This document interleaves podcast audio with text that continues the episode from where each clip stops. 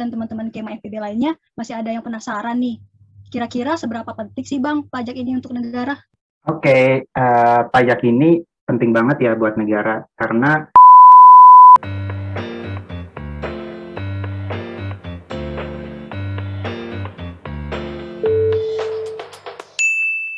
Halo teman-teman KMA FEB, selamat bergabung di episode pertama podcast Dialog Ilmuwan.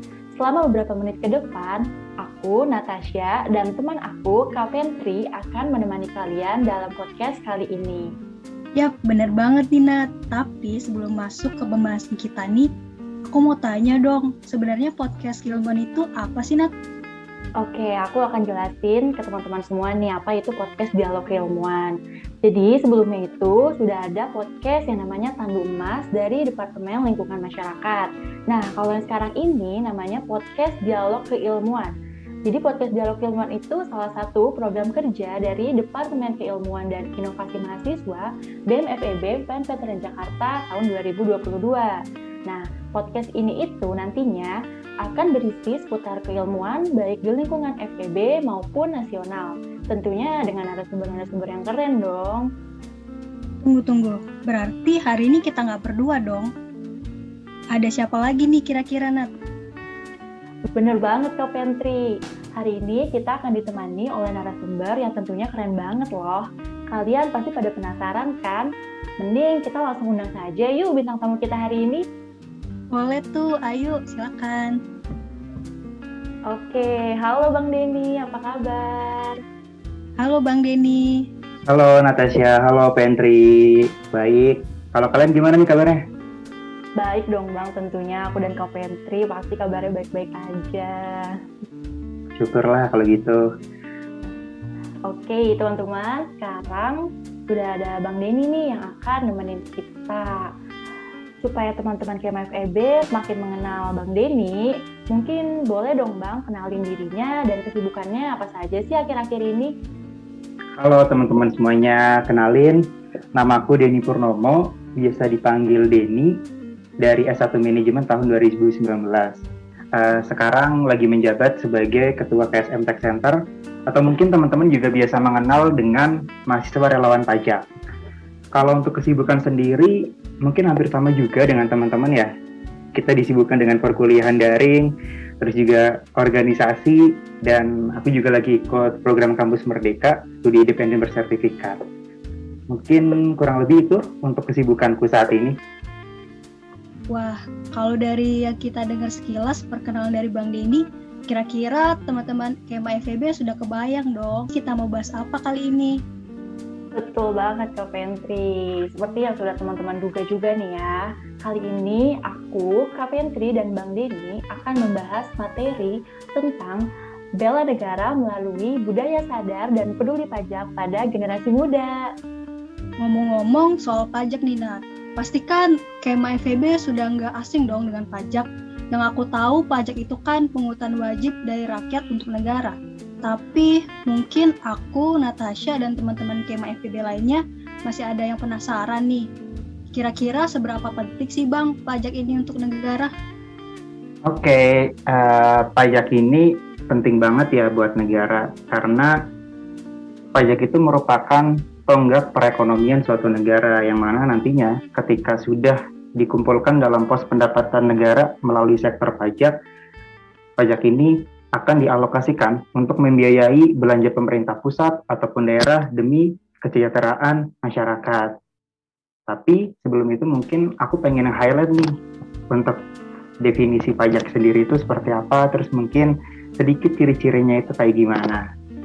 Jadi, pajak itu adalah kontribusi wajib kepada negara yang terutang oleh orang pribadi atau badan yang sifatnya itu memaksa dan didasari oleh undang-undang dengan tidak mendapatkan imbalan secara langsung. Nantinya akan melalui uh, prosedural dari pemerintah untuk kemudian dialokasikan kembali kepada masyarakat melalui pembangunan nasional. Dan tujuannya pada akhirnya adalah untuk kepentingan dan kemakmuran rakyat. Begitu, Pentri. Kalau kita tadi udah uh, berbicara mengenai definisi tentang pajak, mungkin kita ke ciri-cirinya tadi ya tadi ada kontribusi yang sifatnya wajib, terus sifatnya memaksa, Terus ada poin yang menjelaskan tidak mendapatkan imbalan secara langsung, walaupun tadi udah dibahas uh, sedikit juga, di highlight juga sama aku, tapi kita nanti akan bahas lagi secara lebih detail gitu. Kalau untuk pajak yang merupakan kontribusi wajib bagi negara itu artinya setiap orang, setiap warga negara itu memiliki kewajiban untuk membayar pajak, tidak hanya individu, badan pun juga seperti itu. Namun uh, hal tersebut itu berlaku buat warga negara yang udah memenuhi syarat yaitu uh, warga negara yang memiliki penghasilan melebihi penghasilan tidak kena pajak atau PTKP. Dan uh, tentang PTKP ini sendiri pun teman-teman juga bisa uh, belajar lebih lanjut tentang nominalnya berapa gitu. Untuk ya poin kedua ini adalah pajak yang sifatnya itu memaksa untuk setiap warga negara. Jika seorang tersebut atau badan tersebut sudah memenuhi syarat secara subjektif ataupun objektif, maka wajib pajak tersebut itu wajib untuk membayarkan kewajibannya. Dalam undang-undang pun dijelaskan uh, kalau seorang dengan sengaja tidak membayar pajak uh, yang seharusnya dibayarkan, uh, maka ada ancaman sanksi administratif ataupun hukuman secara pidana. Biasanya kalau mungkin telat, itu ada hukuman dengan pemberian bunga dengan nominal yang, ditentukan, yang ditentukan oleh pemerintah. Gitu. Terus maksud uh, warga negara tidak mendapatkan imbalan langsung itu uh, mungkin aku kasih perbandingan dulu ya uh, perbandingan yang beda dengan pajak ini itu yang signifikan adalah retribusi. Kalau retribusi itu merupakan salah satu pungutan selain pajak. Sifatnya langsung mendapatkan uh, hasil gitu dari manfaat yang diberikan atau dari uh, bayaran yang kita berikan gitu. Contohnya retribusi parkir. Ketika kita men mendapatkan fasilitas atau manfaat parkir, maka kita harus membayar sejumlah uang, yaitu retribusi parkir. Namun pajak nggak kayak gitu. Pajak itu ketika kita membayar, seperti yang aku jelaskan di awal, uh, akan melalui proses terlebih dahulu oleh pemerintah yang nantinya akan dialokasikan untuk pembangunan nasional dan untuk mensejahterakan masyarakat tentunya yang didapatkan uh, bisa berupa perbaikan atau pembangunan infrastruktur seperti jalan raya, terus gedung-gedung dan sebagainya, terus juga bisa dalam bentuk fasilitas kesehatan bagi masyarakat. Dan dalam sektor pendidikan pun bisa juga dialokasikan dalam bentuk beasiswa untuk mendukung pendidikan di Indonesia. Begitu. Terus, oke. Okay. Kalau di Indonesia, eh, pemerintah Indonesia itu lebih menitik beratkan pada dua fungsi pajak. Kalau secara umum kan kita tahu ya untuk fungsi pajak itu ada empat. Ada fungsi anggaran atau fungsi budgeter, yang mana itu eh, menunjukkan sumber pemasukan keuangan negara dengan cara mengumpulkan dana atau menarik uang dari wajib pajak untuk kemudian dialokasikan ke pembiayaan pembangunan nasional. Terus ada fungsi regulasi tujuannya untuk uh, mengatur kebijakan dalam lapangan, dalam sosial dan juga ekonomi, seperti untuk menghambat laju inflasi, terus sebagai alat untuk mendorong ekspor, terus juga uh, sebagai proteksi atau perlindungan terhadap barang produksi. Contoh implementasinya adalah PPN, pajak pertambahan nilai. Terus ada fungsi pemerataan, atau distribusi ini untuk menyeimbangkan antara pembagian pendapatan dengan manfaat atau kesejahteraan masyarakat. Terus ada fungsi stabilisasi ini untuk menstabilkan kondisi dan keadaan perekonomian seperti untuk mengatasi inflasi, terus juga untuk uh, mengatur jumlah uang yang beredar gitu agar dapat dikurangi jika itu memang berlebihan. Berkaitan dengan empat fungsi pajak tadi, yang mungkin kita sedang alami yaitu kaitannya dengan pandemi COVID-19. Sebagai contoh, fungsi budgeter ini uh, dialokasikan oleh pemerintah untuk membiayai alat-alat kesehatan dan juga pengadaan vaksin serta perawatan pasien COVID-19 dan juga untuk membantu wajib pajak dengan memberikan insentif perpajakan. Jadi manfaatnya itu sangat banyak ya teman-teman untuk perpajakan ini um, selain kita bisa lihat secara kasat mata seperti pembangunan infrastruktur, terus mendanai aspek seperti pendidikan dan juga kesehatan yang tidak terlihat pun juga kita rasakan gitu seperti perlindungan dan juga insentif bagi wajib pajak. Selain itu juga uh, pajak ini bisa membangun sistem kenegaraan yang demokratis melalui penyelenggaraan pemilu dan pilkada. Jadi pendanaannya itu dari pajak yang kita kumpulkan gitu. Nah, benar banget teman-teman. Seperti yang udah Bang Denny jelasin nih tadi sangat lengkap banget tentang perbedaan retribusi antara retribusi dan pajak. Dan manfaat yang kita dapetin dari pajak ini tuh tentunya banyak banget ya Bang karena kalau bayar pajak itu kan pasti ada prosesnya yang dikelola oleh pemerintah gitu untuk pembangunan nasional dan menyejahterakan masyarakat seperti kita ini. Jadi ibaratnya kalau pajak itu seperti ini kali ya bang ya kayak dari rakyat oleh rakyat dan untuk rakyat, benar bang? Iya. Iya benar. Iya benar banget kayak gitu. Oke. Ya, jadi kan mengingat pentingnya pajak itu sebagai sumber pendapatan negara dan dampaknya yang secara tidak langsung bagi masyarakat, kewajiban perpajakan ini juga harus menjadi perhatian khusus bagi masyarakat. Dengan taat melakukan aktivitas perpajakan, itu merupakan suatu dukungan secara tidak langsung untuk membantu pemerintah dalam mengelola program pembangunan. Itu, nah. Oke, Bang. Tadi sangat bermanfaat sekali ya teman-teman. Yang bisa aku tangkap tuh berarti kita semua ini wajib loh bayar pajak. Terdapat juga dalam undang-undang. Kalau kita nggak bayar pajak, kita bisa masuk pidana loh. Di Indonesia ini lebih memperhatikan kondisi pajak. Contohnya itu sudah disebutkan ya sama Bang Dini tadi, yaitu PPN teman-teman. Manfaatnya juga banyak, bisa membantu perekonomian Indonesia juga.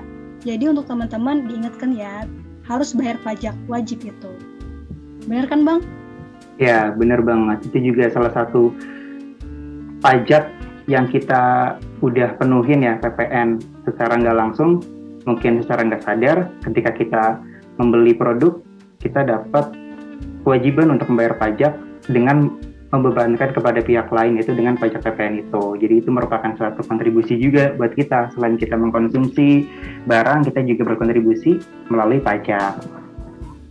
Oke Bang, mungkin aku mau nanya lagi nih Bang. Sebagai mahasiswa dan sebagai generasi muda juga nih, ada nggak sih Bang peran yang dapat kita lakukan nih?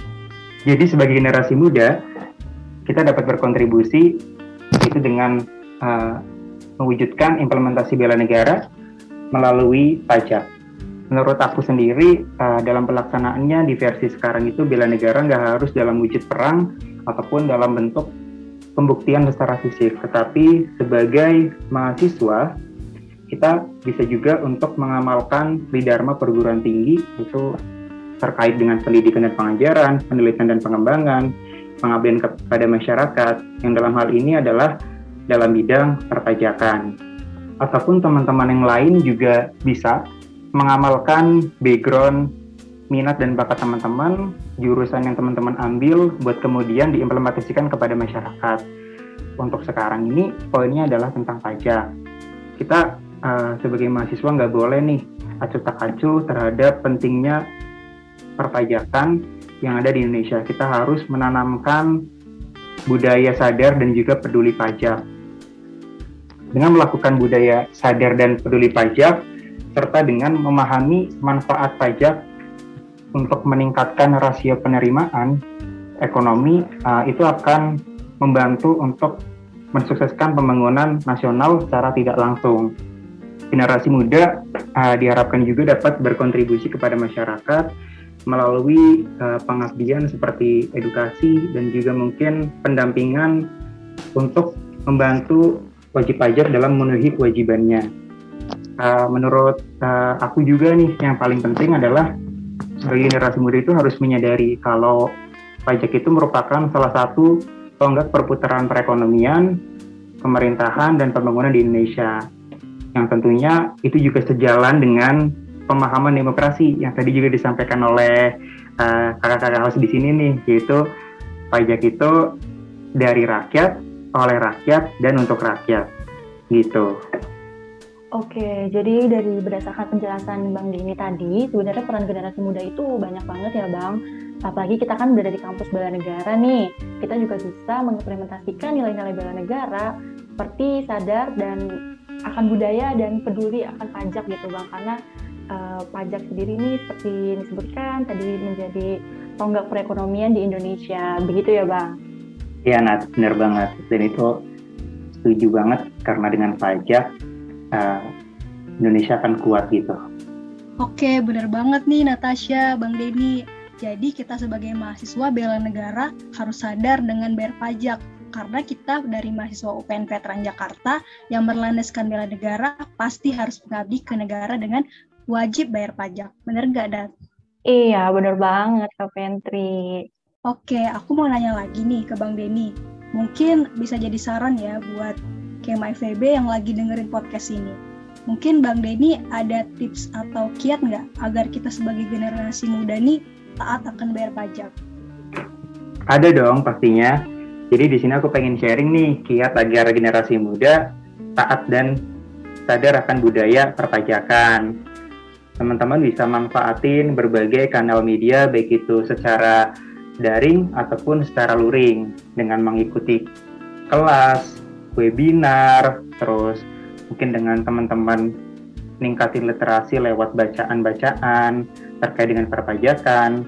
Tapi nggak hanya itu teman-teman, selain kita belajar secara teori, kita juga butuh praktek dan juga pengalaman buat selalu ningkatin minat dan kemampuan kita. Istilahnya kita bisa lakuin dengan konsep learning by doing, belajar sambil mempraktikkan ilmunya. Kita bisa mulai dari diri sendiri terlebih dahulu untuk bisa memahami dan juga bisa mempraktikkan membayar kewajiban kita sebagai wajib pajak atau kita juga bisa membantu orang-orang ring satu kita, orang-orang terdekat kita buat mereka memenuhi kewajiban pajaknya.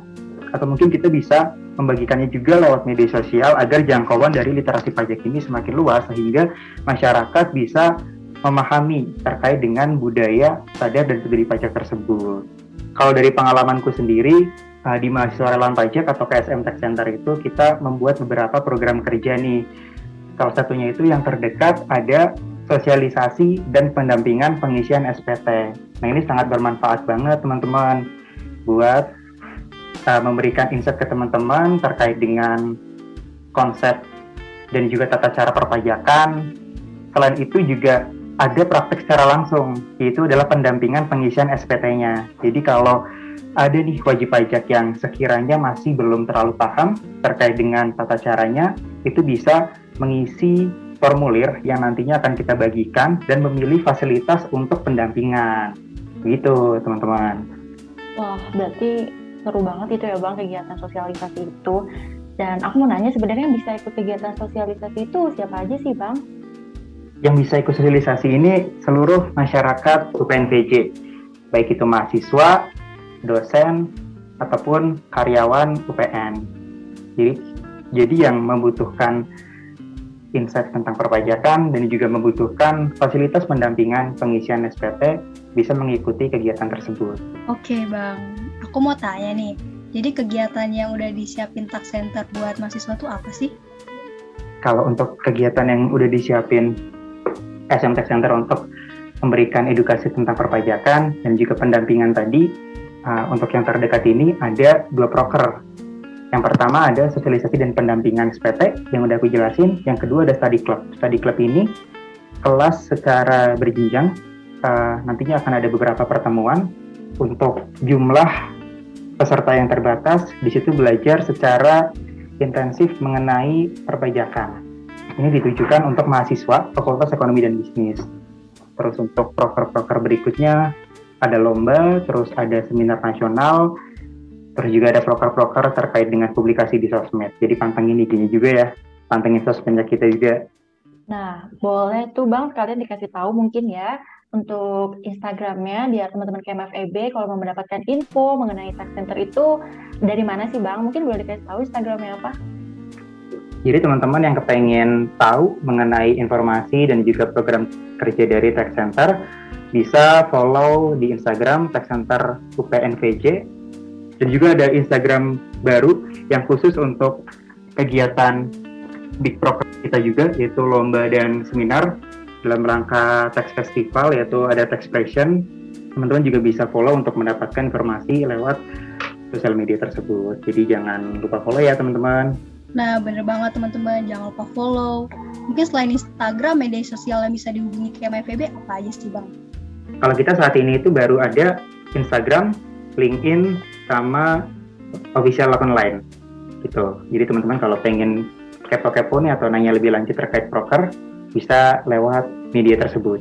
Oke, aku mau tanya soal ini nih bang, soal pembayaran SPP. Kan itu bisa ditemenin atau dibantu sama tax center. Aku mau tanya, kalau sebisal dari Kema FEB mau bayar SPP itu bisa hubungi siapa ya bang? Jadi teman-teman yang berminat untuk mengikuti sosialisasi dan juga mendapatkan fasilitas pendampingan pengisian SPP, teman-teman stay tune, tunggu di Instagram ataupun di kanal-kanal media kami. Nantinya kita akan bagikan informasi terkait dengan kegiatan tersebut. Teman-teman bisa mengisi Google Form, baik itu untuk kegiatan seminar saja, ataupun jika teman-teman butuh, teman-teman juga bisa memilih opsi untuk pendampingan SPP. Jadi lewat Google Form. Dan kalau teman-teman kepengen tanya terkait dengan detail acaranya, bisa menghubungi kontak person yang terkait. Rencananya baru akan dipublish hari Senin tanggal 7 Maret. Untuk kegiatannya sendiri akan dilaksanakan pada tanggal 17 Maret hari Kamis. Oke, mungkin aku sama Natasha bisa kali ya buat dampingin BRSPP. Gimana sih? Bener banget nih Kak Pentri. Bukan hanya aku dan Kak Pentri doang, tapi teman-teman KMFEB kayaknya udah mulai tertarik nih ya buat uh, memfollow gitu Instagramnya dari Tax Center sendiri dan cari tahu nih tentang kegiatan yang sebentar lagi akan diadakan oleh Tax Center. Jadi buat teman-teman nih jangan sampai kelupaan buat follow Instagram Tax Center biar nggak ketinggalan info-info menarik yang nantinya bakal dibagiin oleh uh, Tax Center itu sendiri. Iya nih teman-teman, jangan sampai ketinggalan. Jadi bagi seluruh Kema FEB yang penasaran nih apa sih program kerja yang lagi disiapin buat kita, boleh banget buat pantangin Instagramnya atau LinkedIn dari Tax Center. Tasya, udah follow belum? Kalau dari aku sih pastinya udah follow dong dari awal aku masuk ke UPN. Aku udah follow Instagramnya Tax Center. Waduh, cakep banget. Oke, tunggu nih KMA FEB kontribusinya buat ikut program kerja ataupun kegiatan dari Tax Center. Oke, jadi buat teman-teman KMA FEB, jangan lupa untuk terus pantengin sosial media dari Tax Center. Nanti akan ada info yang lebih bagus dan lebih lanjut dari kegiatan yang akan diadain Tax Center. Dari Natasha sendiri, kira-kira ada yang mau ditanya lagi nggak ya sama Bang Denny? Oke, Kak Pentri. Mungkin terakhir ya, Bang, aku uh, mau menyampaikan bisa nggak Bang Dini memberikan closing statement nih Bang untuk episode hari ini? Jadi uh, setelah kita tadi bincang-bincang mengenai pentingnya pajak dan juga kontribusi generasi muda terkait dengan bela negara melalui pajak, kerasa juga ya obrolan kita udah sampai ke penghujung acara ini, udah Bener masuk ke closing, cepet banget kerasnya gitu. Setelah dari obrolan tadi, kita sedikit banyak paham ya bahwa pajak itu memiliki peran yang sangat penting bagi kemajuan bangsa dan negara. Oleh karena itu, sebagai wajib pajak yang baik, sudah sepatutnya kita membayarkan pajak sesuai dengan peraturan pajak yang berlaku. Dengan kita taat membayar pajak, kita telah membantu dan berkontribusi dalam pembangunan nasional dan kemajuan bangsa serta negara agar lebih baik dalam berbagai hal. Kalau di Tax Center sendiri, kita punya jargon nih, teman-teman. Dan teman-teman juga mungkin bisa share juga ke masyarakat luas. Jargon kita, ayo bersama Tech Center UPN Veteran Jakarta mewujudkan sikap bela negara melalui pajak. Sekali lagi, terima kasih buat teman-teman Departemen Keilmuan BMFB UPN Veteran Jakarta yang udah ngasih aku kesempatan buat sharing di podcast Departemen Keilmuan episode pertama kali ini. Terima kasih juga buat Natasha dan juga Pentri yang udah nemenin aku ngobrol-ngobrol di podcast kali ini. Sampai jumpa di lain kesempatan. Bye-bye. Bye-bye. Makasih Bang Denny. Terima kasih Bang Denny. Ya, nggak kerasa ya kita udah ada di penghujung acara. Sedih banget udah berpisah sama Bang Denny. Iya bener banget Kak Pentri, karena dari tadi kita ngobrol itu bareng Bang Dini bener-bener serunya tuh seru banget, ditambah materinya juga yang gak kalah menarik ya Kak Pentri. Setuju banget, tapi sayangnya kita udah harus pamit nih sama teman-teman Kema FEB. Kema FEB jangan-jangan nanti kangen lagi habis ini sama kita. It's, tapi teman-teman Kema FEB nggak usah khawatir nih karena podcast Dialog Keilmuan akan hadir kembali tentunya dengan narasumber-narasumber yang super keren banget. Jadi ditunggu kabar baiknya ya. Oke, ditunggu kabar baiknya Tasya buat teman-teman juga. Kalau gitu, um, karena udah di akhir acara, aku mau pamit undur diri nih. Aku Pentriani dan Natasha izin pamit undur diri. Dari teman-teman, jangan kangen. Bener banget Kak Pentri. Semoga topik kali ini dapat memberikan pengetahuan baru dan wawasan bagi teman-teman Kema FEB. Sampai jumpa dan tetap patuhi protokol kesehatan dan jangan lupa 3M-nya ya. Bye-bye semua, selamat bertemu kembali di episode selanjutnya.